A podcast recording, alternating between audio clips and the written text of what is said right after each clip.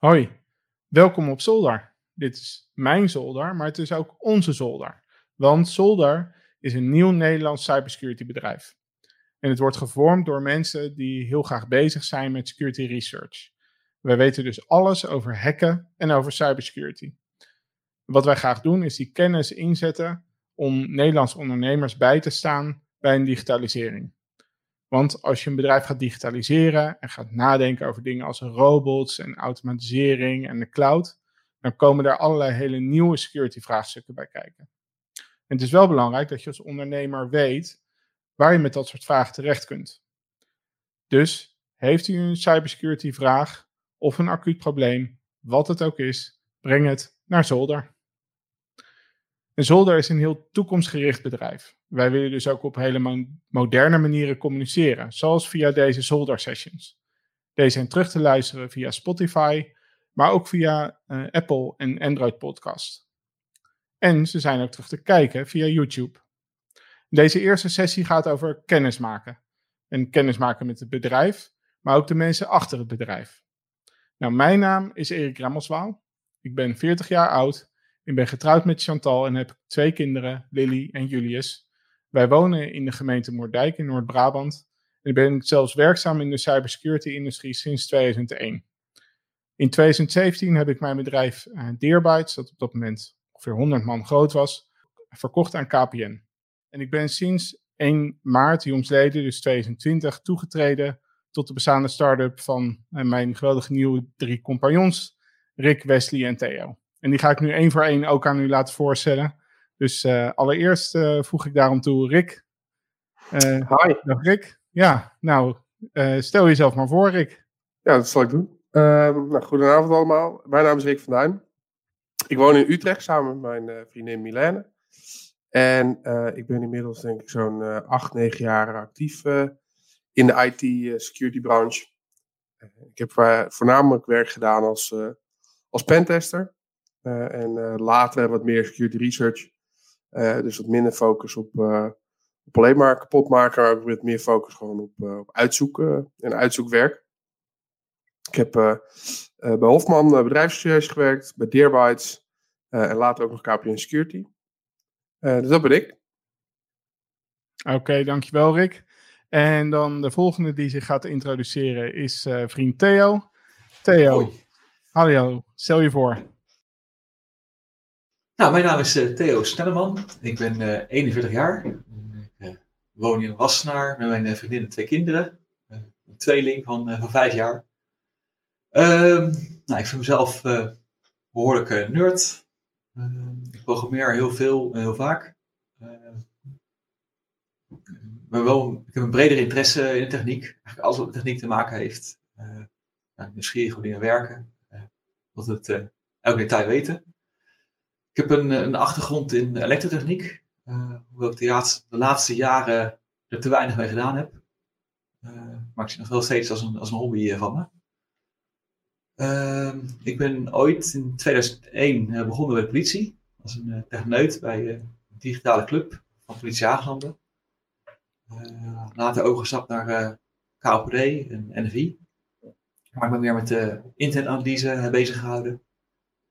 Uh, nou, na acht jaar vond ik het genoeg. En heb ik een overstap gemaakt naar uh, Fox IT. Uh, gevolgd Netscout en Deerbytes. Nou, daar heb ik de rest van de club leren kennen. Nou, na overname van Deerbytes heb ik nog twee jaar voor KPN gewerkt. maar toen was het tijd voor iets nieuws.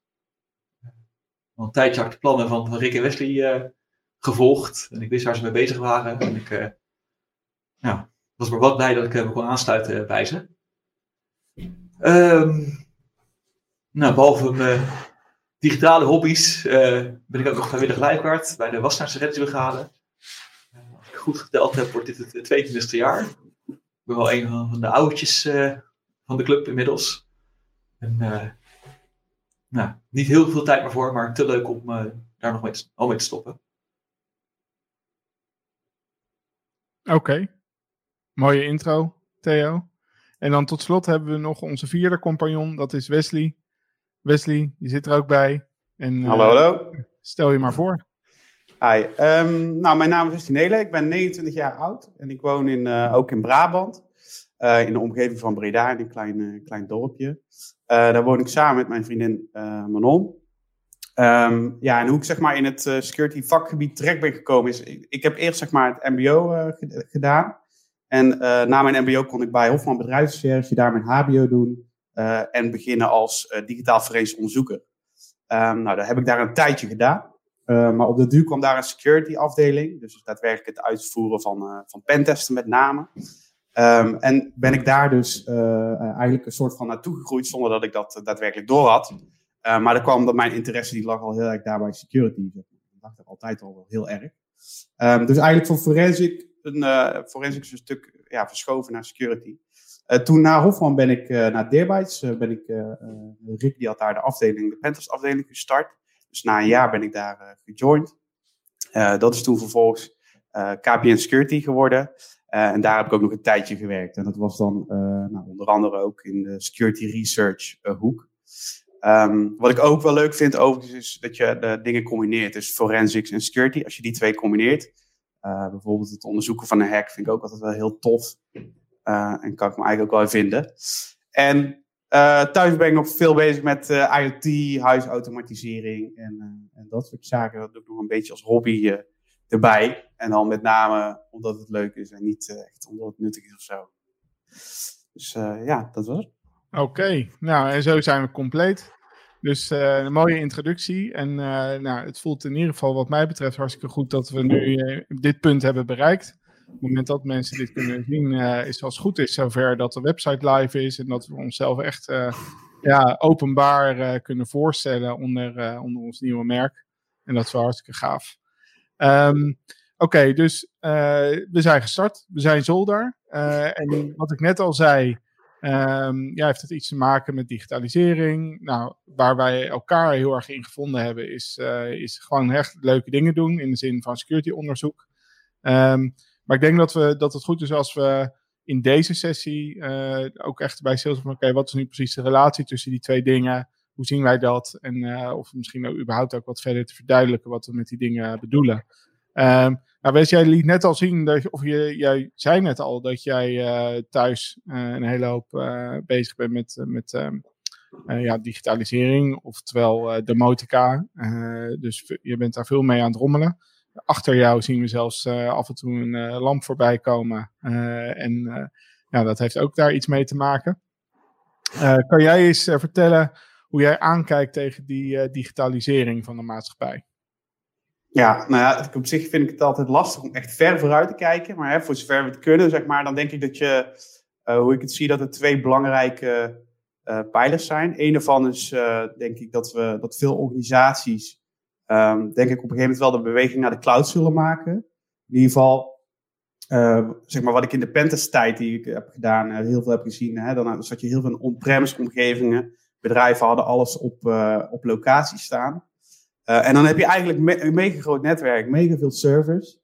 Um, en eigenlijk als je daarbij na gaat denken, dan is het bizar dat heel, eigenlijk iedere organisatie zijn eigen Active Directory heeft draaien, mailservers heeft draaien. Dus ik denk wel dat wij op dit moment uh, op een kantelpunt zitten waarbij we uh, dat meer gaan uitbesteden als organisaties. Ik denk dat we een tijdje hebben gehad waarbij we denken van, nou ja, dat is eng, weet je wel. Cloud is van ander, dat kan ik niet vertrouwen. Um, maar ik denk wel dat we ook steeds meer in gaan zien, of dat bedrijven steeds meer in gaan zien, dat de cloud eigenlijk wel goedkoper is, dat het minder zorgen met zich meebrengt. Ik bedoel, je hoeft bijvoorbeeld jezelf eigenlijk, je helemaal niet druk te maken over patches en dat soort zaken. En je kan je focussen op wat gewoon geld oplevert als bedrijf zijnde. Um, en ik, wat ik daar ook altijd bij denk is van ja, zij kunnen het ook.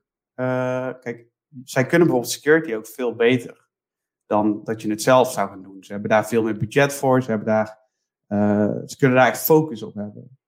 Um, dus ik denk dat we, en ik heb het ook gezien, ik heb een aantal echt supergrote organisaties dat ik dacht, waarbij ik dus ook pentesten moest doen. Uh, van nou, hoe krijg je het überhaupt voor elkaar, zeg maar, die migratie naar de cloud. Uh, maar zelfs die organisaties, die waren gewoon vol in de, in, de, in de migratie. En dat was voor mij wel een kantelpunt, dat ik dacht van ja, ik denk wel dat veel organisaties uh, die beweging gaan maken. Al zelfs al die, die grote clubs, die daar echt wel moeite mee hebben, dat gaan doen. Um, dan denk ik dat heel veel bedrijven dat op den duur zullen doen. Dus dat je eigenlijk je helemaal niet meer druk hoeft te maken om kantoorautomatisering. laat dat lekker bij een cloud provider zitten, zeg maar. Ehm, eh, ja, en doe je zelf je focus houden op wat je, zeg maar, waar je geld mee verdient. Ja, ik, ik geloof dat ik ook ergens in de afgelopen dagen, want hè, we nemen dit op midden in, uh, in de hele coronacrisis uh, die, uh, die zich afspeelt in Nederland, of in Nederland en in de wereld. Um, en een van de aspecten daarvan is dat er dus ineens nog veel meer um, snelheid komt in, in thuiswerk. Um, ja, idee. Dus mensen die vanuit huis hun werk, of eigenlijk van overal vandaan hun werk moeten kunnen doen. En dus in dit geval vanuit huis. En nou, daar zijn, zijn een hele hoop uh, plotselinge dingen voor opgetuigd. Maar een van de problemen waar nu langzamerhand dan um, wat om de hoek komt kijken, is dat nog heel veel organisaties die helemaal niet zo heel erg sterk nog op de cloud leunen, dus nog echt een eigen infrastructuur hebben en zelf hun updates uh, uitrollen over het netwerk. En dat bijvoorbeeld voor Microsoft doen met gebruikmaking van uh, het goede oude Wesus. Dus een update server ja. ergens in het eigen netwerk. En, en dan is de vraag van ja, wat gebeurt er eigenlijk als al die mensen dus al een maand lang niet uh, uh, op, het, uh, op het werk zijn geweest. Niet in het, in het bedrijfsnetwerk. en ja, blijft dan alles nog wel up-to-date. dus ja, je, ziet nu ook in deze crisis dat het zo ontzettend, um, ja, zeg je dat? ouderwets ook wel is en, en gewoon ontzettend veel werk oplevert. Uh, om een eigen infrastructuur te hebben die echt helemaal voor je eigen organisatie is ingericht. Uh, uh, die ook verder, die eigenlijk alleen maar toegankelijk is wanneer je fysiek op locatie bent bij het desbetreffende, in het desbetreffende bedrijf. Dus ja, inderdaad, dus die cloud, dat is één, één factor. Ik... maar er zit natuurlijk ook een aspect van robotisering in, althans, ja, automatisering en, en dat soort zaken. Um, ja, we, wat we volgens mij ook wel veel zien, is uh, bedrijven die steeds meer met IoT en dergelijke aan de slag gaan. En, en uh, daar dus ook uh, vragen omtrent krijgen. Rick, volgens mij heb jij ook wel bij bedrijven rondgelopen waarbij um, vragen als het gaat om security testen niet meer alleen maar gaan over ja, kan je mijn webserver testen of kan je mijn internetverbinding testen, maar dat er steeds meer ja, eigenlijk telkens weer nieuwe soort apparaten en devices opduiken uh, waar mensen uh, of waar bedrijven ja, zorgen over hebben of die ze getest willen hebben. Ja, sowieso. We hebben, uh, je ziet sowieso een hele hoop automatisering natuurlijk voorbij komen. En waar het gaat om de wat meer fysieke automatisering is het vaak nog oud spul. maar we hebben af en toe best wel coole vraagstukken daaromtrent gehad. om een voorbeeld te geven. Een tijd terug was het, uh, was het een fabriek. Uh, en die hadden hele nieuwe productielijnen laten aanleggen, want dan konden ze allemaal veel sneller maken wat ze moesten maken. En uh, toen was eigenlijk de vraag: ben je in staat om de productie te verstoren? Vanaf een netwerk of vanaf, nou ja, vanaf de weg of wat dan ook. En uiteindelijk was het wel lachen, want dan kon hadden ze dus heel mooi, hadden ze allemaal van die Windows embedded computers voor barcode scanners. En die waren integraal, die, die moesten gewoon in het hele proces, alles werd, werd, werd gescand, zeg maar. Ook om voorraadbeheer te doen, dat soort zaken. En uh, uiteindelijk hebben we gewoon heel simpel uit zitten vogelen dat als je het wifi uh, zou uh, jammen, dat die barcode scanners niet meer werken en dan ligt die fabriek op zijn gat. Dus dat, dat soort simpele, simpele dingen en problemen die heel lang geleden al hebben ontdekt. Ik bedoel, dat je op een DAuth attack kan doen op, op wifi is natuurlijk best wel oud. Ja. en dan is het wel geinig om te zien dat, dat, dat zoiets heel moderns, dus eigenlijk een fabriek die alles uh, traceert en alles netjes bijhoudt. Uh, met zo'n domme ouderwetse aanval plat te leggen is. Ja, dat is wel, wel een leuke. Ik heb daar een keer bij, ik zat ik bij een klant, dat was ook met, met scanners. en op een, wat ik aan het doen was, ik was het netwerk aan het port scannen. En daardoor kreeg die scanner, die, die, kreeg het gewoon te moeilijk, zeg maar. Maar het werkte zo, als die ene scanner stopt, dan stopt ook de hele productielijn, zeg maar. Dat stopt de hele band. Maar, zeg maar. Was dat een statisch ding of zo? Was het iemand die met zo'n handscannertje... Ja, het was iets van een handscanner inderdaad. En als dat ding dan niet werkte, dan stopte de hele band... en dan ging het gewoon uit veiligheidsoverwegingen op pauze, zeg maar. Dus toen kwam die vent binnenrennen. Ja, maar goed, gelukkig was dat niet zo erg. En ze waren blij dat ze erachter kwamen. Maar dat is hetzelfde soort aanval. Op het moment dat één zo'n device disconnected raakt... stopt ja. het er gewoon mee uit veiligheid.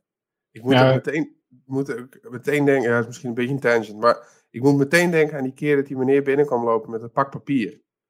Weet je nog eens? Ja, ja, dat is zo vaak gebeurd. Zo vaak. Dus wij zitten met z'n tweeën, hadden een klusje ergens. En we zitten bij zo'n eh, zo'n klant en we zijn dingen aan het checken. En ehm, ja, wij waren gewoon dit hele netwerk aan het portscannen om te kijken wat er allemaal leefde natuurlijk. En op een gegeven moment komt de opdrachtgever binnenlopen met echt zo'n pak papier. En die zegt, eh, jongens, zijn jullie dit misschien? En wij dachten alleen maar, ja, waarom zou ik heel pak papier printen? en het bleek nou, dat was een van de po eh, poortje Jet Direct. En dan kon je eh, gewoon TCP-connectie maken. Gooi je iets op de lijn. En als je dan de TCP-connectie sluit, print hij uit wat je op de lijn hebt gegooid. Alleen dat deed Nmap ging zeg maar, proberen te fingerprinten. Dus die ging kijken, oké, als, als ik HTTP erop gooi. Wat nou als ik doe alsof ik FTP? Nou, dus kreeg je al die protocollen ging je testen, maar die werden dus ook allemaal geprint. Maar niet op één printer, nee, op alle printers op het hele terrein. En dat is echt een megaterrein met heel veel printers. Dus de mensen waren heel erg uh, geschrokken Ja. van de printers. Maar je, het zijn ook wel volgens mij een beetje vergelijkbare aspecten waar je nu tegenaan loopt als je in dit soort eh eh, materie, duikt, dit soort technologieën gaat, gaat pentesten of gaat onderzoeken. Dan Mhm. zie je zeg maar in de tijd van Windows 95, Windows 98 gewoon in het, gewoon in het kantoorautomatiseringsdomein eh, gebeurde. Hè? Dus dat het allemaal zo open en ondoordacht was op het gebied van security. Ja. Dat, ja, het Ja. ik kon niet eens spreken van beveiliging. Het was gewoon, eh, het was gewoon open. Er was gewoon niet over nagedacht wat dat betreft. Maar Maar je, ziet ja, nu, je ziet nu ook wel dat ze die netwerken vaak gewoon helemaal afgesloten hebben. Van de rest. En dan is de vraag, kan je vanaf kantoor naar procesautomatisering, om maar een voorbeeld te geven.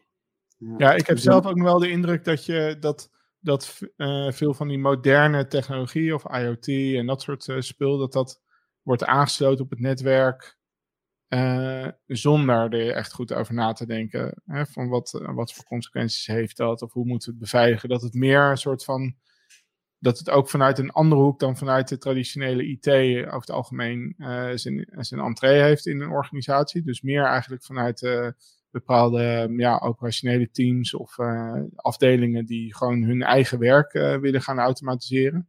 En daar gewoon allerlei tools en, en apparaten voor, eh, voor aanschaffen en aan willen sluiten. En, en daarna misschien hopelijk een keer ja, gaan nadenken van goh, ja, moeten we misschien ook nog eventjes nadenken over de beveiliging daarvan. Ja, ja, maar soms gaat het zelfs nog verder dan dat. Hè. Ik heb een keer een eh, organisatie die wou een robotstraat testen. Ehm, en op een gegeven moment, nou, dat ding dus getest. En eigenlijk stond het gewoon letterlijk inderdaad helemaal open.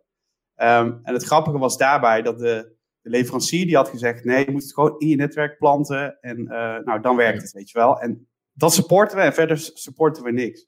Eh. Gelukkig, toen zat ik met die IT'ers te lunchen... gelukkig hadden zij zelf besloten en zelf bedacht van... nou, het lijkt me goed hier, om hier een apart VLAN van te maken. En eh het spek dan dat zij niet supporten en bla bla bla.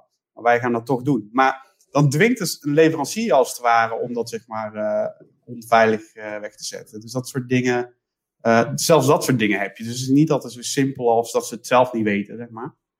Dus dat zijn best wel interessante eh, Ja. dingen. Ja, maar dat je ziet echt- ja, ik wou zeggen dat het best is een, een, een, een vergelijkbare manier van hoe het geadopteerd wordt, zeg maar, dan inderdaad, zeg maar, 20, 30 jaar geleden met gewoon het traditionele basis-IT of zo. Dat is gewoon, ja, YOLO, eh rolt uit. Ja, Ja, ja, Ja, het moet werken. Hetzelfde geldt een beetje. Ik kan me ook voorstellen dat we nu opeens andere afdelingen in één keer bepaalde digitalisering stappen nemen. Kan je Ja. bijvoorbeeld, ik, waar ik zelf nog steeds elke keer jaloers naar aan het kijken ben, is als ik bij, eh, ergens bij een klant kom en die hebben dan van die vergaderkamers met zo'n iPad op de deur, met zo'n eh, met een, zo'n- zo'n kamerboeksysteem.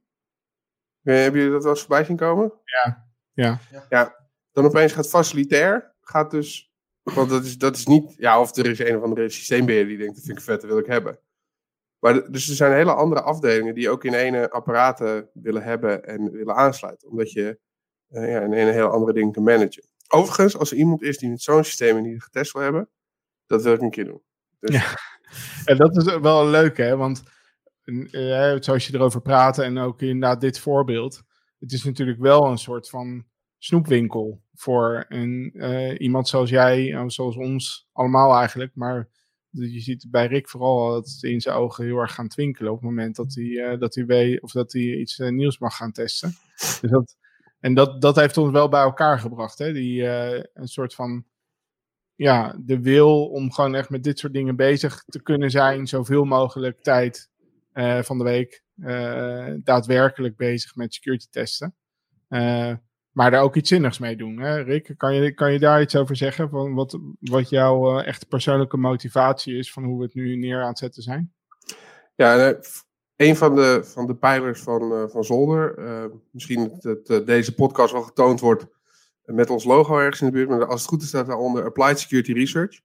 En dat is dan ook een van de belangrijkste motivators voor mij op dit moment. Um, ik heb best wel lang pentestwerk gedaan. En als, als pentester is het heel leuk om gewoon bugs te vinden. En ja, applied security research, bam.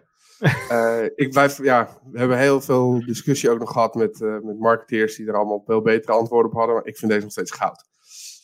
Ruud, als je luistert, wat een mooie. sorry Ruud. maar, nee ja, uh, als pentester heb je dan uh, de hele tijd gewoon ja, bugje vinden, maak het kapot. En dan zeg je van nou, zo moet je het beter maken.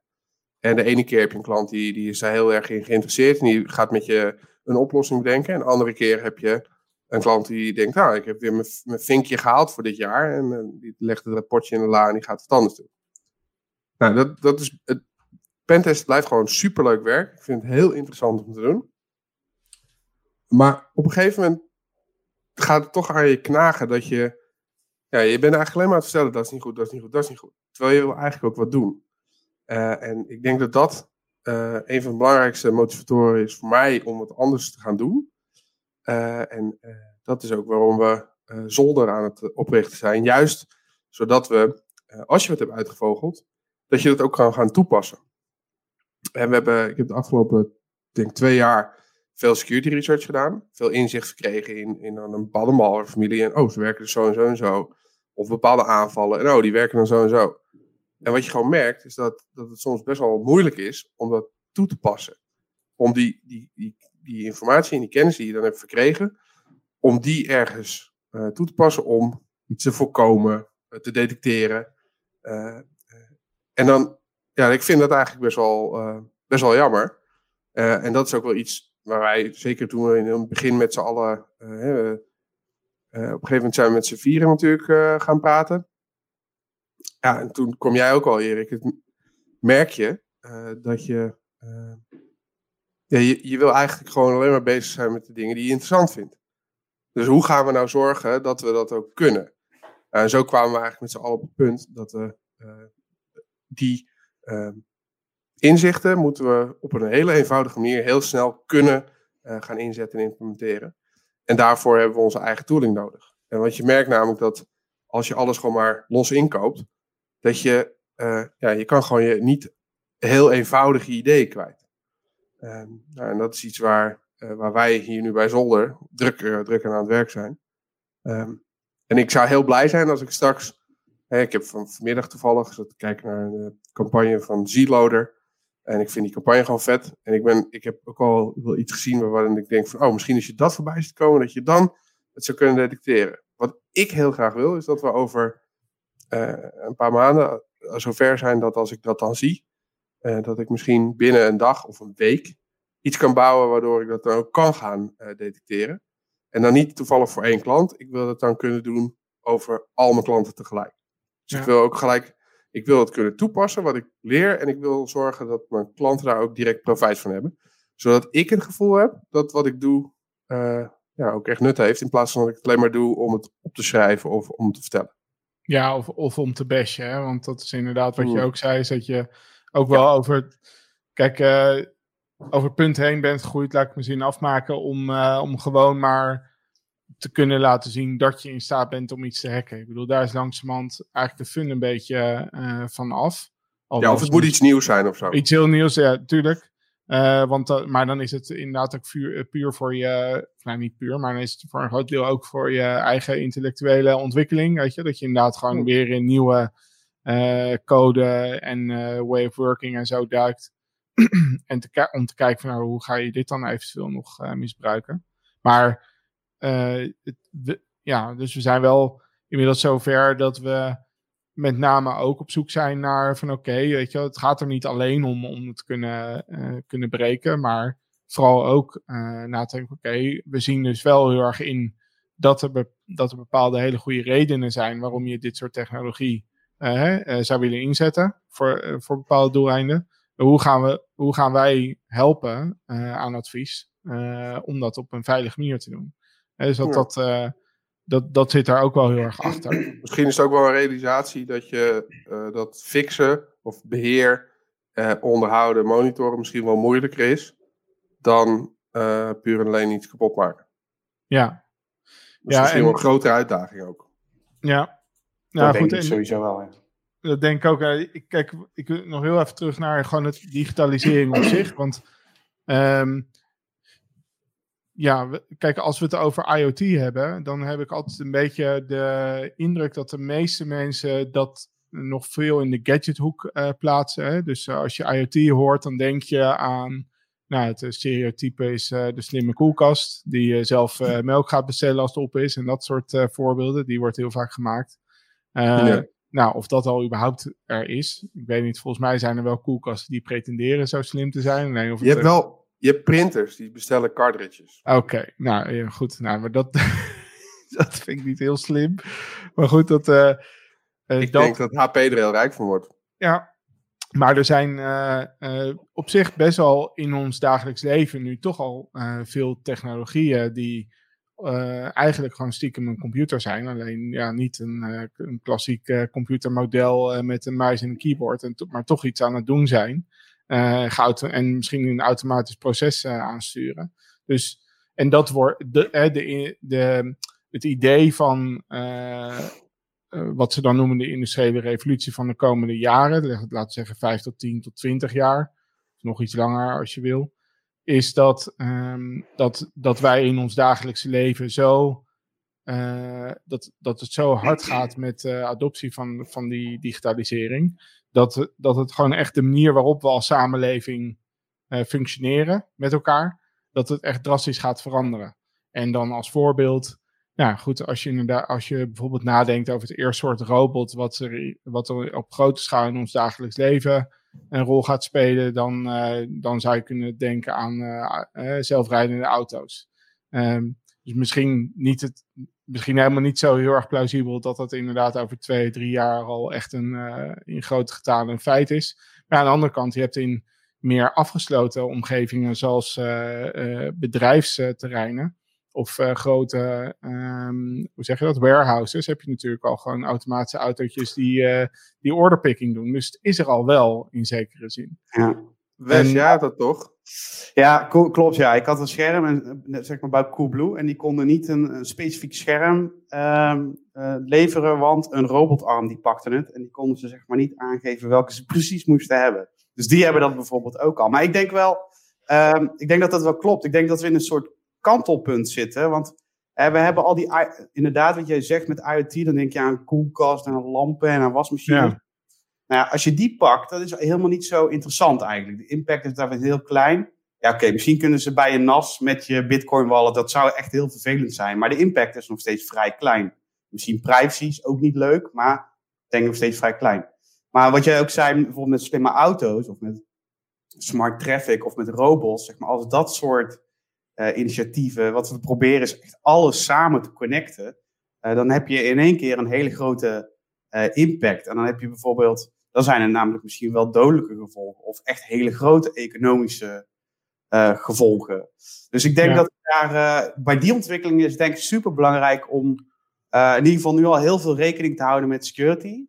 En ik denk ook echt wel dat we met z'n allen allemaal denken van dat gaan we ook, gaan we ook wel doen. En we doen ons uiterste best om het zo veilig mogelijk te maken. Um, maar ja, de vraag is, is dat voldoende? Hè? Dat, is, dat is denk ik een beetje de, een beetje de vraag. En ik hoop dat wij als solderzijner kunnen helpen daarbij. Om die ontwikkelingen en die uh, dingen uh, ja, zo veilig mogelijk daarbij ons steentje bij te kunnen dragen. Want eigenlijk, ik zat er trouwens ook over na te denken. En dat is dan nog niet eens echt smart en IoT.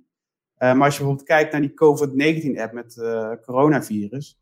Eigenlijk is het gewoon een historisch moment waarbij we ja, ik bedoel, ik heb het nog nooit meegemaakt. Pandemie met een digitaal hulpmiddel proberen te, ja, zeg maar, te demmen. Dat vind ik best wel dik. Ehm, en dus je ziet gewoon dat we daar veel volwassener in worden.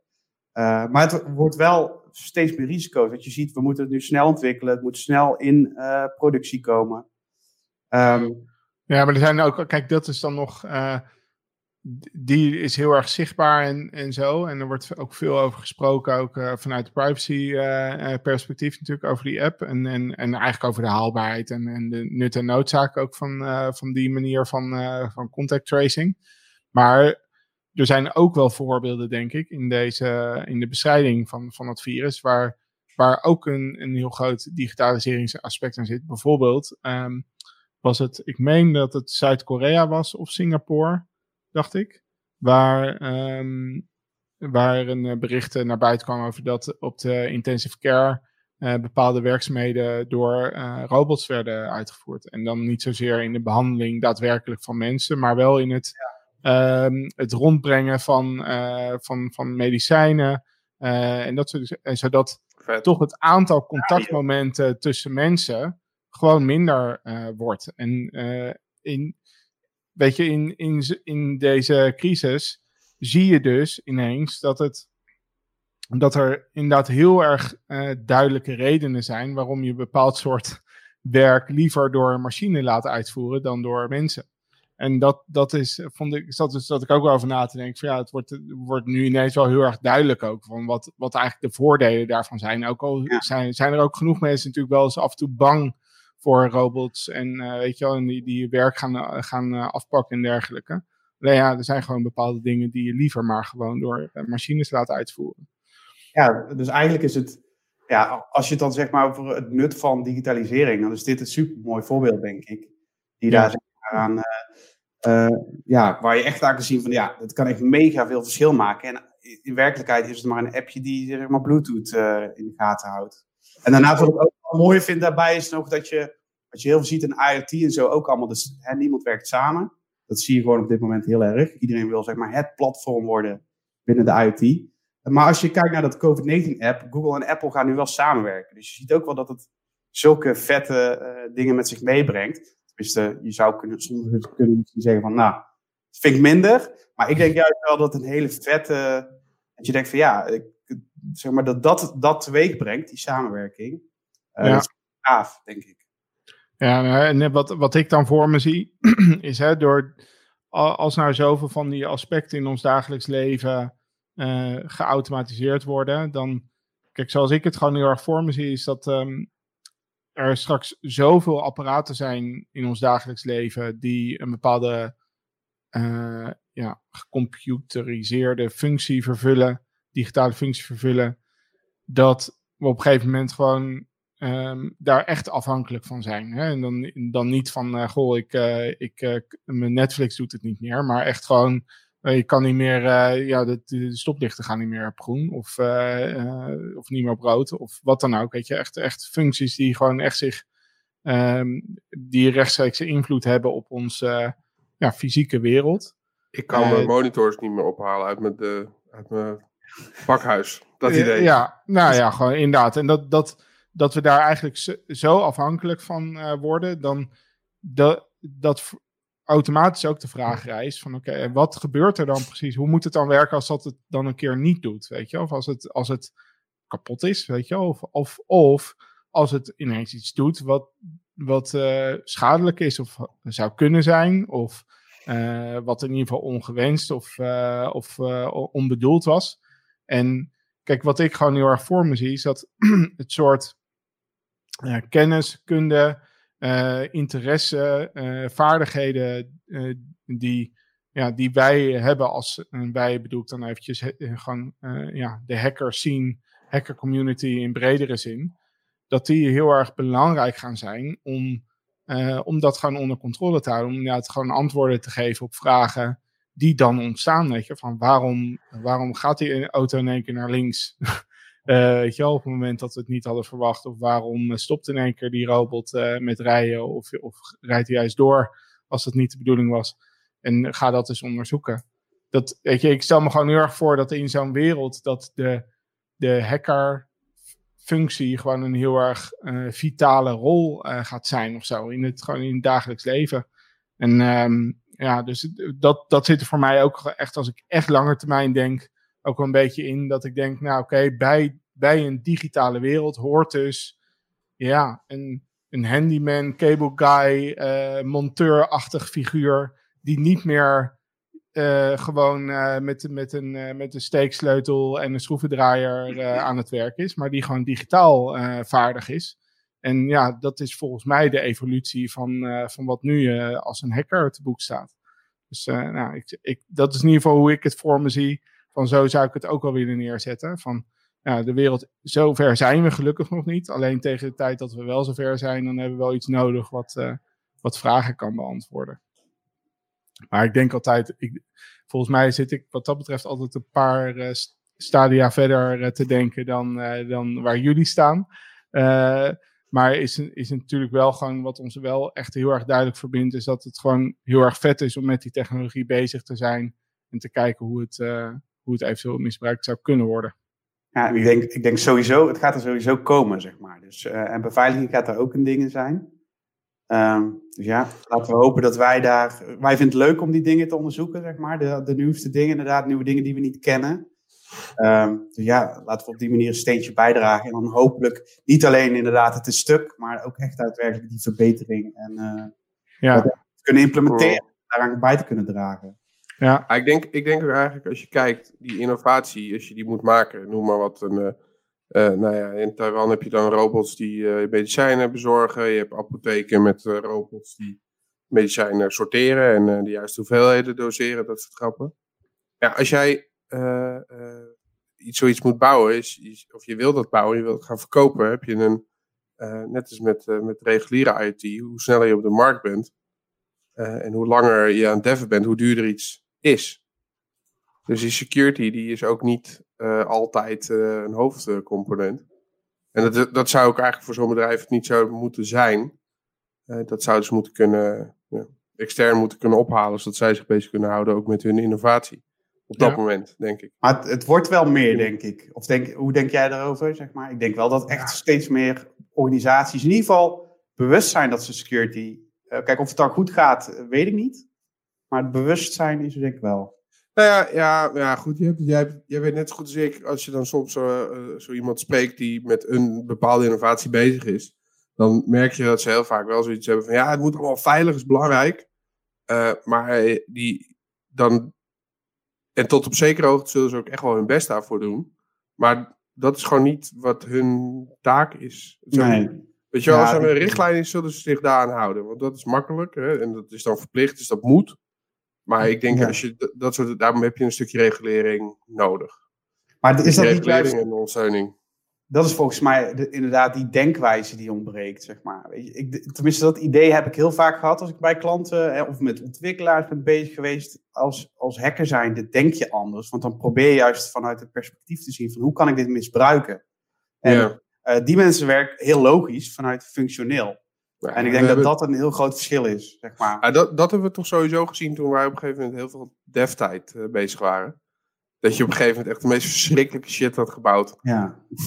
Want je was alleen maar functioneel aan het denken. In plaats van. dat, ja.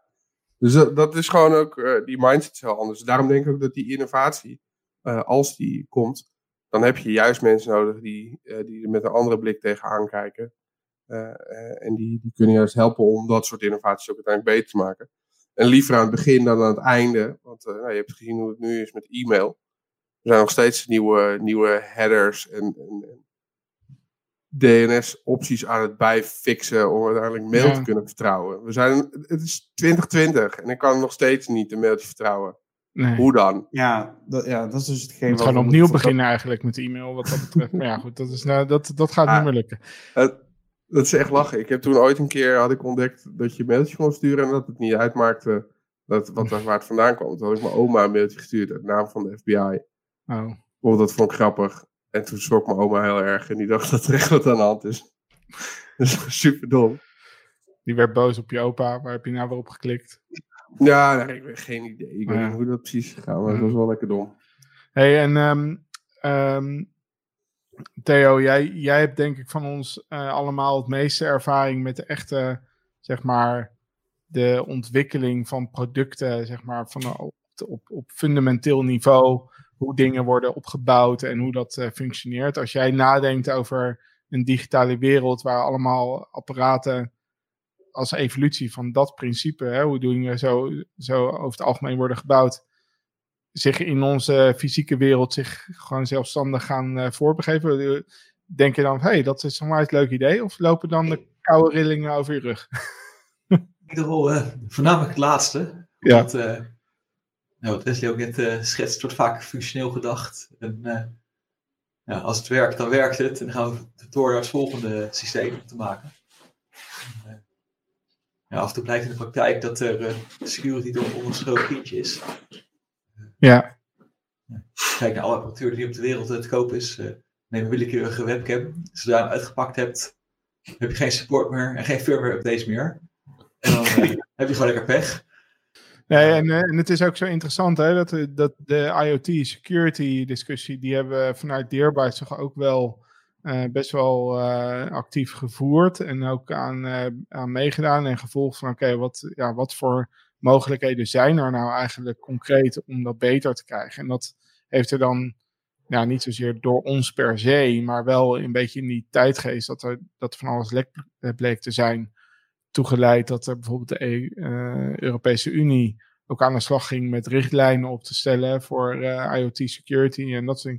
Ja, het is er nog steeds niet. Dus weet je, het, dat is ook een demonstratie, denk ik, dat de oude manier, of de oude wereld, wat dat betreft, gewoon uh, ja, on, ongeschikt is eigenlijk om die, uh, die uh, echte controle te houden over al die nieuwe technologische mogelijkheden die, die er ontstaan. En tegen de tijd dat, dat er qua policies en qua wetgeving iets, iets werkbaars ligt, ja, dan is eigenlijk al hoe zeg je dat? Het kalf is al ja. ja, achterhaald. Ja, oké. Nou goed, dus um, uh, heel veel digitalisering. Uh, bedrijven gaan daar uh, gewoon ja, niet morgen per se allemaal vol induiken, maar gaan er langzamerhand de komende jaren waarschijnlijk wel instappen. bedrijven die gaan digitaliseren, die gaan hoogstwaarschijnlijk minder hun tijd voldoen aan het uitdenken van een hele specifieke inrichting van hun kantoorautomatisering. Maar die gaan daarvoor juist gebruik maken van meer gestandardiseerde en cloud-achtige toepassingen. Zodat ze meer van hun ja, intelligentie, sp uh, speciale kennis kunnen inzetten op automatisering van gewoon hun echte core business. Dat is een beetje de gedachte. Um, wij als als wij daar dan een security partner bij willen zijn, dan denk, heb ik altijd het idee van dan moeten we dus. Ja, we, wij kunnen ook niet in de toekomst kijken. We hebben ook geen glazen bol exact wat voor soort ontwikkelingen er dan allemaal gaan ontstaan. Of wat voor vragen er dan precies gaan ontstaan. Maar ik denk wel dat we uh, onszelf zo kunnen inrichten dat we flexibel genoeg zijn om de vragen die er gaan ontstaan, zodra ze er zijn, ook gewoon goed te kunnen beantwoorden. En het is, denk ik ook Ricky, in jouw ervaring wel vaak genoeg voorgekomen dat je gewoon een vraag krijgt vanuit een klant die je nog niet eerder had gehad. Hè, om hmm. onderzoeken. En we, ja, iets digitaals, wat het ook was. En, ja. Uh, waarschijnlijk is dat de eerste keer uh, ga je de, ben je daarvan gaan zweten en word je, de, weet je er heel erg nerveus van, van oh god, kan ik dit wel? Of ja. zo. Maar inmiddels heb je wat ervaring. Dus hoe kan je, kan je een soort van beschrijven hoe dat dan werkt in de praktijk als je een vraag krijgt vanuit een klant? Ja, nou, ik denk dat het belangrijkste is om te beginnen met aangeven dat je er geen ervaring mee hebt. Mm -hmm. uh, want je kan natuurlijk uh, gewoon tegen klant zeggen van ja, nee, natuurlijk, doe hem even. Ja, als je de technologie nieuw is voor je, dan heeft het niet zoveel zin om daar uh, niet open over te zijn. Um, dan weet je klant ook waar hij aan begint. Uh, kijk, soms krijg je gewoon vragen van klanten en die weten ook uh, op dat moment al, uh, ja, dit is zo'n specifieke vraag. Hier is helemaal niet iemand. Weet je wel, er is niet een, je hebt mensen die zijn heel erg goed met ICS en SCADA-systemen. dus daar kan je echt specifiek iemand voor zoeken. maar ja, als jij natuurlijk, ik noem maar wat, een kiosk eh, maakt. Of je, je maakt eh, eh, iets wat, eh, wat, wat spullen dispenst of eh, eh, een, een toegangscontrolesysteem voor een gebouw. Ja, er, er is niet echt eh, iemand die je dan kan bellen. Nou, uiteindelijk zijn het ook allemaal computers, dus dat, dat maakt het weer eh, ja, doable. Hoe, hoe wij daar eh, in het verleden veel mee om zijn gegaan, is gewoon eh, eh, eerst eens kijken eh, hoe het gebouwd is, uit, gaan zoeken eh, welke technologieën gebruikt worden. Want ja, ze zullen over het algemeen gebruiken ze eh, toch wel gewoon bestaande technologieën. Die worden gewoon toegepast.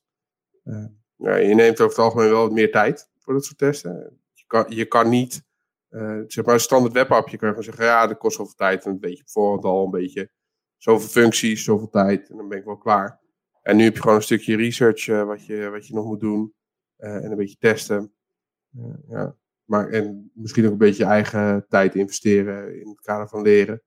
Een tijdje geleden hebben we nog een webappje getest. En die maakte gebruik van, eh, voor, voor mij in ieder geval, eh, nog nieuwe eh, technologie, Firebase. Ja, dan moeten we even uitzoeken hoe dat dan werkt, weet je wel. Ja, ja, Firebase database. Okidoki.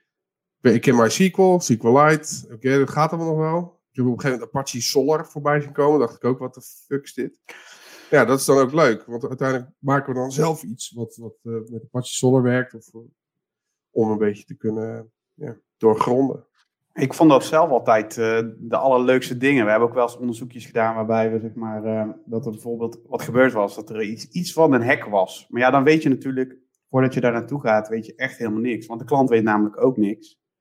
Ehm, en dan mochten wij daar naartoe eh, om te kijken wat er gebeurd was. Nou, dat vind ik wel een van de vetste dingen die je kan hebben. Want je gaat er echt naartoe van, nou ja, ik hoop dat ik het kan en wel dat het goed komt. En eigenlijk wat Rick zegt, het zijn die spanning. ja, het zijn allemaal computers en je komt er uiteindelijk wel uit als je maar op een logische manier alles aanpakt.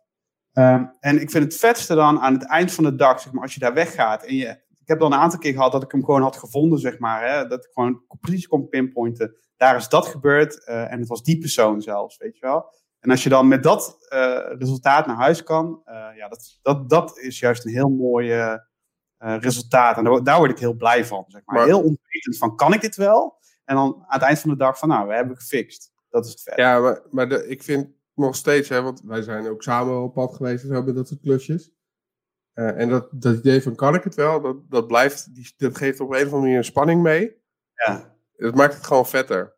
Het maakt het eigenlijk een soort wedstrijdje in plaats van dat het, eh, oké, hier ben ik, ik ga een kunstje doen. Weet Ja. je wel? Kijk, kijk, nou kunstje gedaan. Nu wil ik graag geld. Ja, Ja, ja, dat- maar dat is toch anders. Het is toch anders dan... eh Ja. Het geeft Ja, wat- Wat, mijn ervaring met, met, eh, met jullie ook is, is dat eh, A, je hebt inmiddels eh, zoveel jaren ervaring opgebouwd dat je eh, het eigenlijk, eigenlijk nooit echt iets uit de weg gaat om te onderzoeken. En inderdaad wel altijd transparant bent over ja, hoeveel ervaring heb ik hier dan precies mee. Ehm, maar ja, nooit, eh, eh, eh, nooit eh, in principe iets uit de weg gaat. Kunnen hele specifieke gevallen zijn wellicht. Maar, eh, dus dat is één. Maar ook, en dat, dat vind ik op zich ook wel een heel eh, belangrijk onderdeel, is dat jullie heel vaak in zo'n onderzoek tot nieuwe ideeën komen over hoe je specifiek die klant of die technologie of bepaalde use case voor technologie kunt voorzien van extra beveiliging, eh, geautomatiseerd inzichten kunt eh, geven over wat dan ook. Ehm, en, eh, en dan daar iets voor wil gaan bouwen of wil gaan creëren.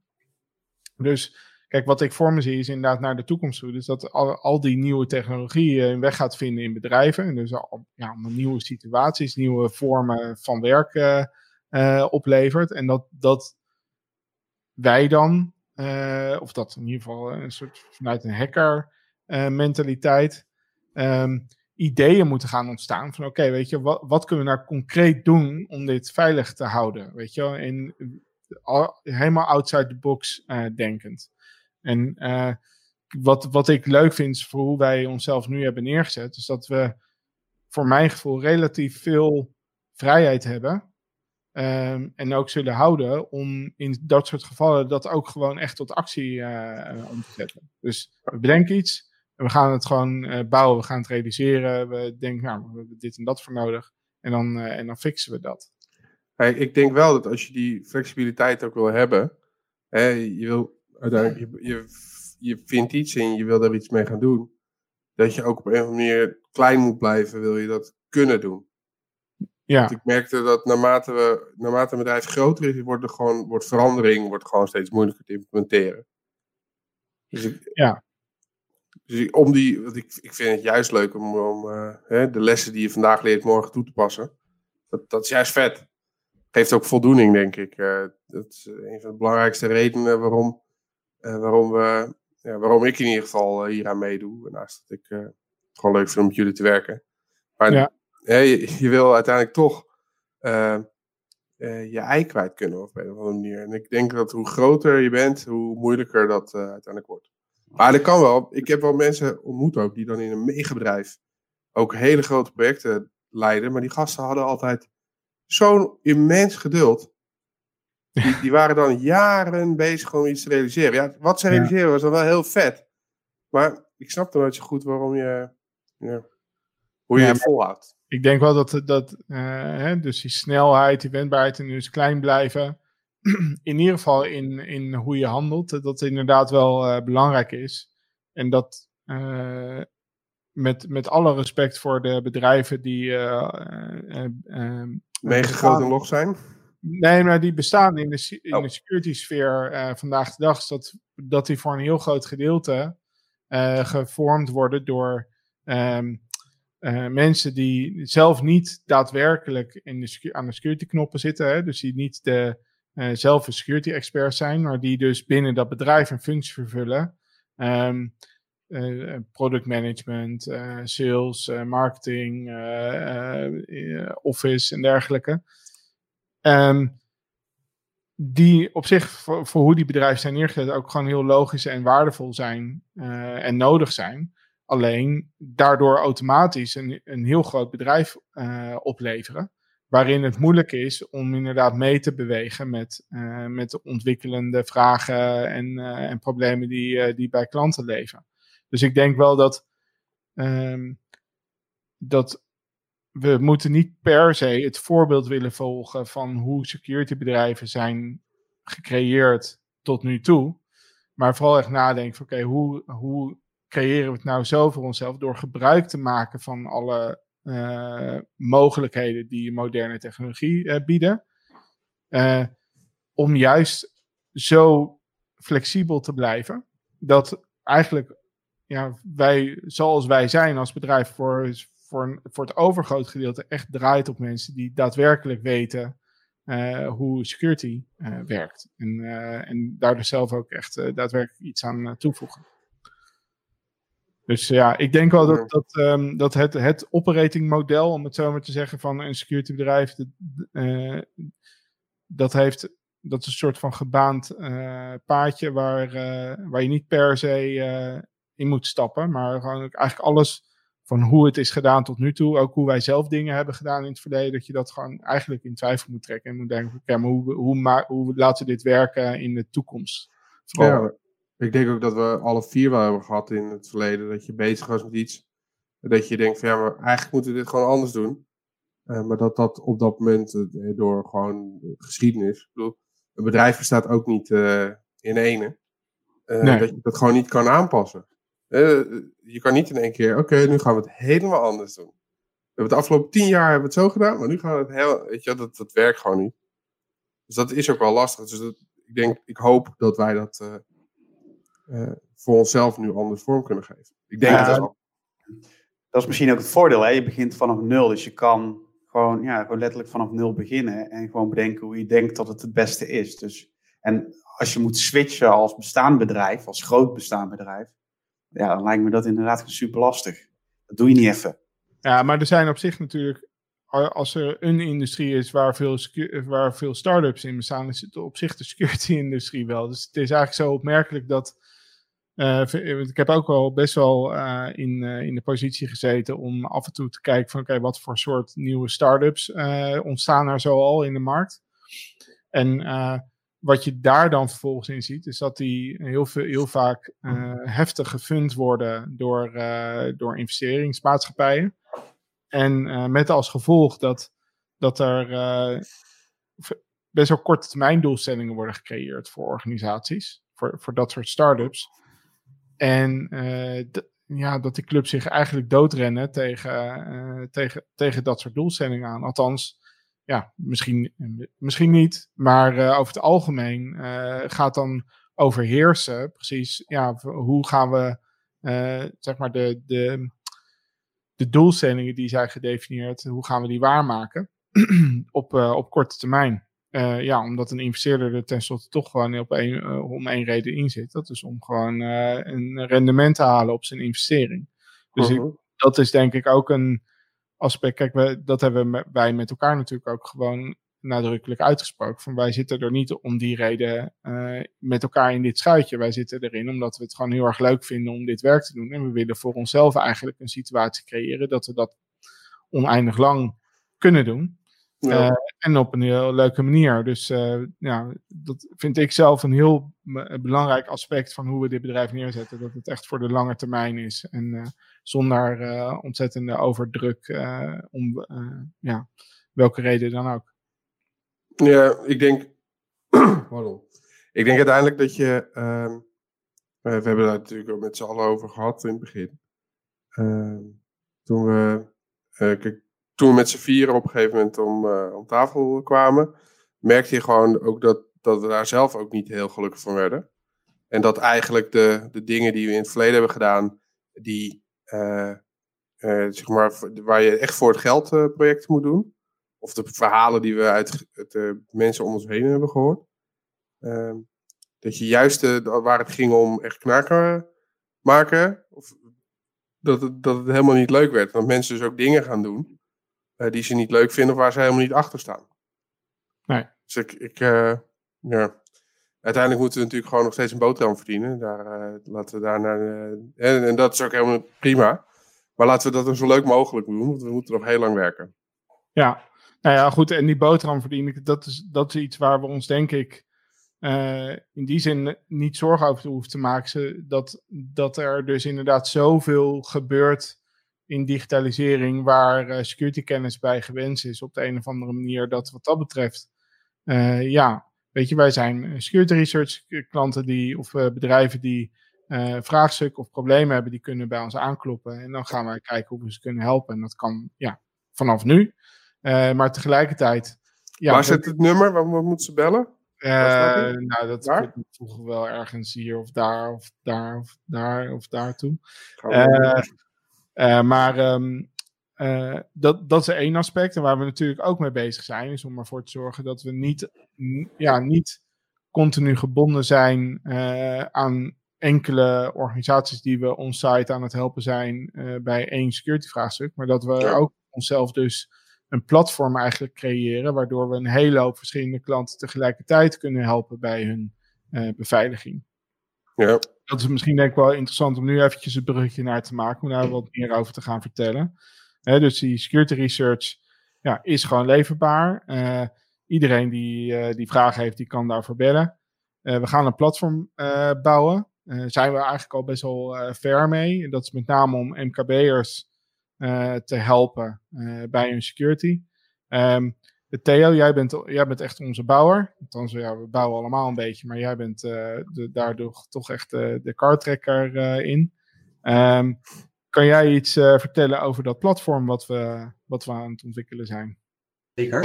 Um, nou, het platform wat we nu bouwen is een systeem waarmee we kunnen monitoren en beheren specifiek de security gerelateerde zaken voor clouddiensten. Clouddiensten hebben vaak wel heel veel uh, security oplossingen, instellingen uh, en allerlei zaken waarbij je al dingen kan regelen. Alleen voor de gemiddelde klant is dat veel te moeilijk. Of, uh, er is gewoon de tijd of de zin niet, niet voor. Ehm, nou, ons platform kan het voor ze overnemen.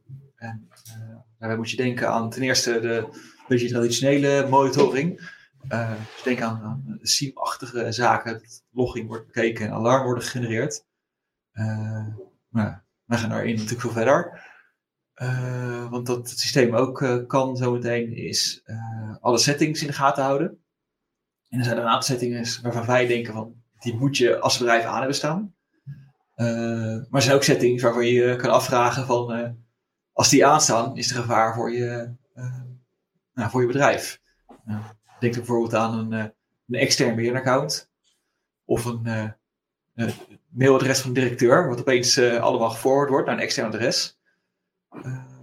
De zaken zit ook wel ergens in de instellingen verstopt. Alleen dat is uh, ja, voor veel klanten onzichtbaar. Of ze zijn er überhaupt niet. Uh, dus het systeem wat we nu bouwen is, houd dat soort zaken in de gaten. En dat is gewoon continu monitort die dat, of er veranderingen zijn.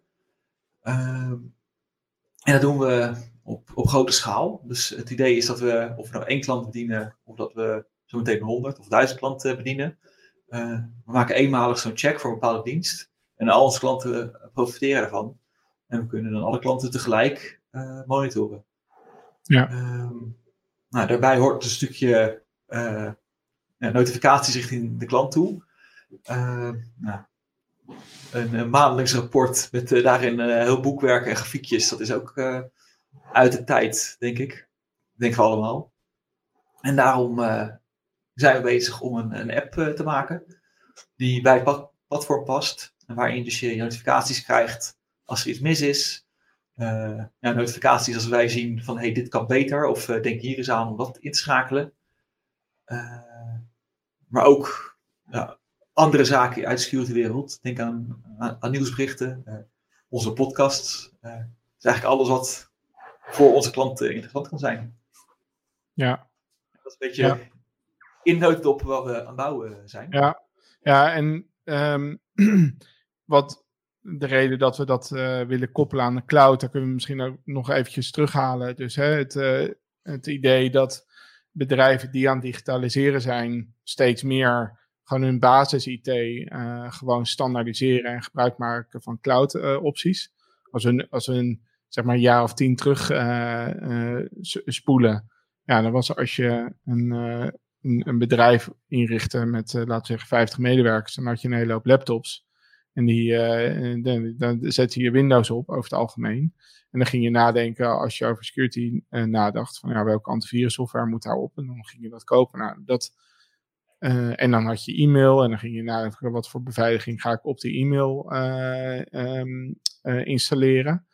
En meestal allemaal van, van standalone of third party security merken. Nou, je ziet dus nu een hele grote um, trend dat bedrijven, zeker in het MKB, ja, voor die basis-IT eh, dus naar de cloud toe gaan. Dus dat ze hun e-mail inderdaad in Office 365 bijvoorbeeld hosten. Nou, dat, dat is ook gelijk de grootste, nou, dat de marktleider op dat vlak. Uh, en dat, uh, dat um, Microsoft inmiddels zover is dat de antivirussoftware en de security software op, op de Windows computers eigenlijk gewoon hartstikke goed is. en zich echt kan meten met de beste in de markt. En dat je eigenlijk om die reden ook niet per se verder hoeft te kijken. Dus je kan, je kan als je gewoon een MKB'er bent, zeggen van oké, weet je, ik, ik ga daar gewoon niet meer over nadenken. Ik, ik, ik neem gewoon die Windows computer. Ik neem Office 365 voor mijn e-mail. En ik heb allerlei security functies. Dus dat is uitgangspunt dat we denken van oké, er zullen heel veel bedrijven zijn die dat om die reden dus inderdaad hebben. De vervolgvraag is, oké, dan heb je allemaal security functionaliteit tot je beschikking. Maar heb je eigenlijk ook de kennis en kunde in je organisatie om goed te begrijpen wat die functionaliteit precies betekent, hoe je dat het beste kunt aftunen en als er alarmen uh, opduiken daarin, wat die überhaupt betekenen. En dat is waar wij het dan over hebben gehad. Van nou, wij denken dat, het, dat we toegevoegde waarde kunnen leveren door een soort van laag van informatievoorziening te bieden bovenop uh, die, uh, die alarmen en configuratie die in, uh, in die standaard Microsoft omgeving zit, in ieder geval Microsoft, um, die van toegevoegde waarde is, zodat een MKB'er met ja, weinig tot geen kennis van security toch begrijpt van oké, wat speelt er zich nou precies af hier en wat moet ik doen? En ik, ik denk dat het wel aardig is als we, als we de, dit scherm bijvoorbeeld eens bekijken. Dit is dan het uh, Office 365 security center van Microsoft. Gewoon om een indruk te geven van, oh, ja, dat er van alles mogelijk is. Maar als je, de, uh, als je als gewoon een gemiddelde MKB hier naar kijkt, dan is het gewoon abracadabra. Het is gewoon te ingewikkeld. En dat is het probleem, denk ik, van onze, hè, van de security-industrie in zijn algemeenheid. Is dat waarom zijn we na eigenlijk twintig jaar nog steeds niet in staat geweest om een gemiddeld uh, bedrijf gewoon op een goed niveau veilig te krijgen. Op een makkelijke manier. Ja, dat is gewoon omdat het een veel te ingewikkeld domein is.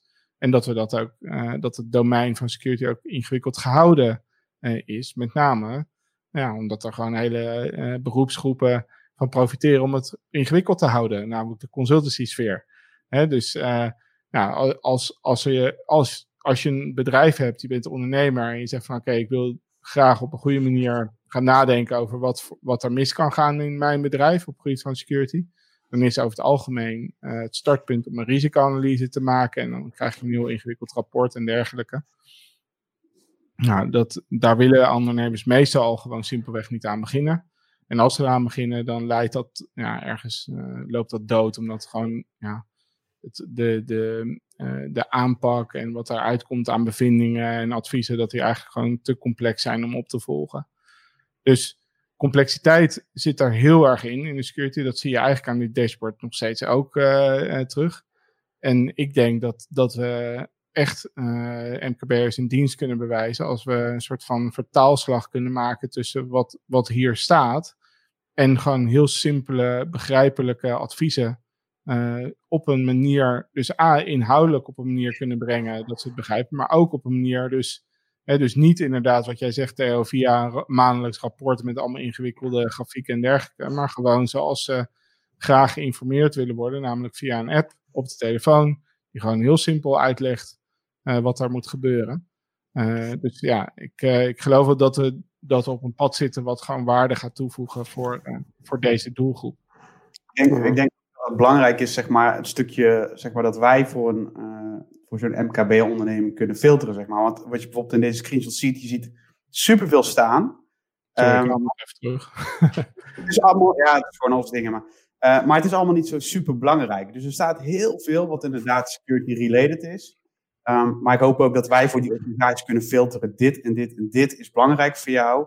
Dus daar zou je wat mee kunnen doen. En zeg maar, de rest is geen kritisch, uh, geen kritisch verhaal. Dus dat uh, hoef je op zich geen, niet druk over te maken. Dus dat je ook die filtering kan doen voor de MKB'er.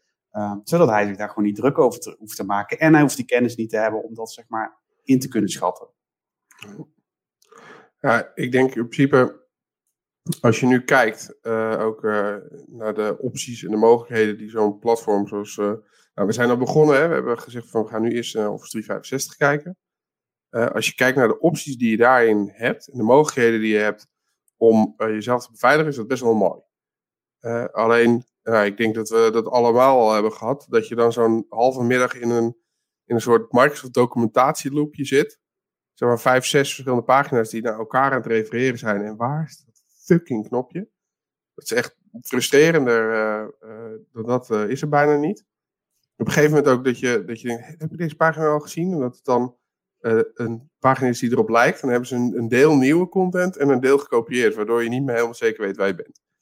Ja, goed. Uh, wat de bouw van het platform voor ons betekent, is dat we uh, de, de, dingen die we daarin leren ook, ook tot kunnen gaan toepassen. Voor een klant betekent dat dat hij niet hoeft uit te zoeken hoe bepaalde functionaliteit werkt. We kunnen het hem dan vragen, wil je dit? Uh, dat kan gewoon via die app. En dan kun je ook zo via die app ook gewoon zeggen, ja, dat, dat wil ik. En dan wordt het geregeld. Ehm, voor, mij, voor mijzelf ook weer toegepaste uh, research. Uh, als ik morgen iets bedenk of ik bouw een scriptje, uh, dan past dat in het platform. Want eigenlijk dat platform, nu is het toegepast bij Office 365, maar heel gechargeerd, wat, wat Theo nu aan het bouwen is, is eigenlijk een tool die gewoon continu ja, aan de ene kant de, de, monitort wat voor alarmen er voorbij komen. En aan de andere kant is hij continu aan het controleren de configuratie zoals ik die heb staan. Staat hij nog zo? Uh, if not, fix. Uh, en uh, een aantal adviezen. Um, maar ja, dat kan je overal toepassen. En dan kan ik ook weer een nieuw scriptje bedenken of een nieuwe functionaliteit bedenken. en die flexibiliteit, die maakt mij heel enthousiast.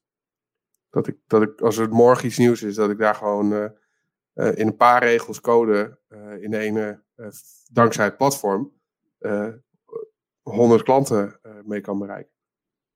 Ja, goed. Dat, ja, ja. ja maar dat, dat vond ik ook vet. Dat we van de week hadden we uh, wat testjes ook draaien. Uh, want we hebben aan de ene kant hebben we een stukje. We hebben heel veel Python op het backend. Uh, maar we gebruiken ook heel veel PowerShell. Want daarmee kan je nou helemaal heel goed dingen managen. en Theo die demode wat functionaliteiten die het mogelijk maken om de checks die Wes en ik in de afgelopen weken heel veel hebben gebouwd. Waarmee hij ze gewoon geautomatiseerd op alle eindklanten kan afvragen. Dus dat betekent dat in één keer zijn we gegaan van: oké, we hebben een, een backend dat doet dingen, naar we kunnen technisch gezien al onze checks die we tot nu toe hebben bedacht, en dat zijn er echt zo'n stuk 50 of zo, die zou je gewoon kunnen draaien tegen een eindklant. En, en dat is wel cool om te zien hoe snel dat dan in ene uh, kan gaan. Daar word ik wel enthousiast van. Ja. Is dat af? Theo? Theo, is dat af? Morgen ga ik er door. Ja, nou, kijk, we hebben dus nu op zich wel het punt bereikt, hè, als deze video live gaat en uh, te bekijken is voor mensen, uh, dat we uh, langzamerhand dus daaraan ook de oproep gaan koppelen om bedrijven die het interessant vinden om, om deel te nemen aan een beta-fase voor, de, voor, ja, voor deze tool, voor deze functie. En dat betekent in feite dat, dat waar we naar op zoek zijn is organisaties die Office 365 gebruiken en die, die dat willen verbinden aan onze app. En die andersom ons van raad en daad kunnen voorzien. en adviezen over hoe we die app precies kunnen, of het best kunnen vormgeven. Zodat het ja, relevante informatie en adviezen weergeeft. We zijn echt op zoek naar, naar een, een, aantal partijen die, die daarbij willen en kunnen, kunnen helpen. Um, dus ja, mocht je daar interesse in hebben, zou ik zeggen, meld je vooral aan. Uh, en dat kan op uh, ja, alle manieren. Dus uh, via Twitter of via LinkedIn of Facebook of stuur een e-mail of bedenk maar wat. maar we zijn dus naar jou op zoek met je Office 5. ja. Ja, goed toch? We gaan langzamerhand denk ik richting een afsluiting. Wat ik denk ik of wat ik hoop dat, uh, dat mensen uh, zien, is uh, eigenlijk in deze sessie dat we zitten hier gewoon met z'n vieren. Um, wat, wat, waar ik van overtuigd ben, en ik denk dat dat ook wel zo doorschemert, is dat we heel veel ideeën, goede ideeën hebben, maar ook gewoon de capaciteit om dat, die ideeën tot, tot daden om te zetten. Met een relatief kleine club. En dat zal voor sommige mensen soort van gek zijn. Dat ze denken, ja, waarom kan je nou als, hoe ga je nou als, uh, met, vier, met vier man een uh, relevante security uh, club zijn? Nou, ik ben ervan overtuigd dat wij heel veel kunnen met deze club. En op deze manier simpelweg omdat we echt gebruik maken van nieuwe mogelijkheden die technologie biedt. Maar ook dat we de organisatie zo neerzetten dat we een hele hoop tijdverlies uh, door reistijd en door overleg en uh, vergaderen en dergelijke ja, vermijden. Um, en dus al onze tijd en energie steken in daadwerkelijk doen van security. En dat gaat zich denk ik heel erg uitbetalen voor iedereen die met ons in zee wil. nou, en dan over de zolder sessions. Want ja, we gaan natuurlijk echt security research doen. We gaan apps ontwikkelen. Uh, maar we weten dat het gewoon heel erg belangrijk is om ook los van de echte concrete dienstverlening, om gewoon informatie voorzienend te zijn. Dus ja, regelmatig weer even bij te praten over security.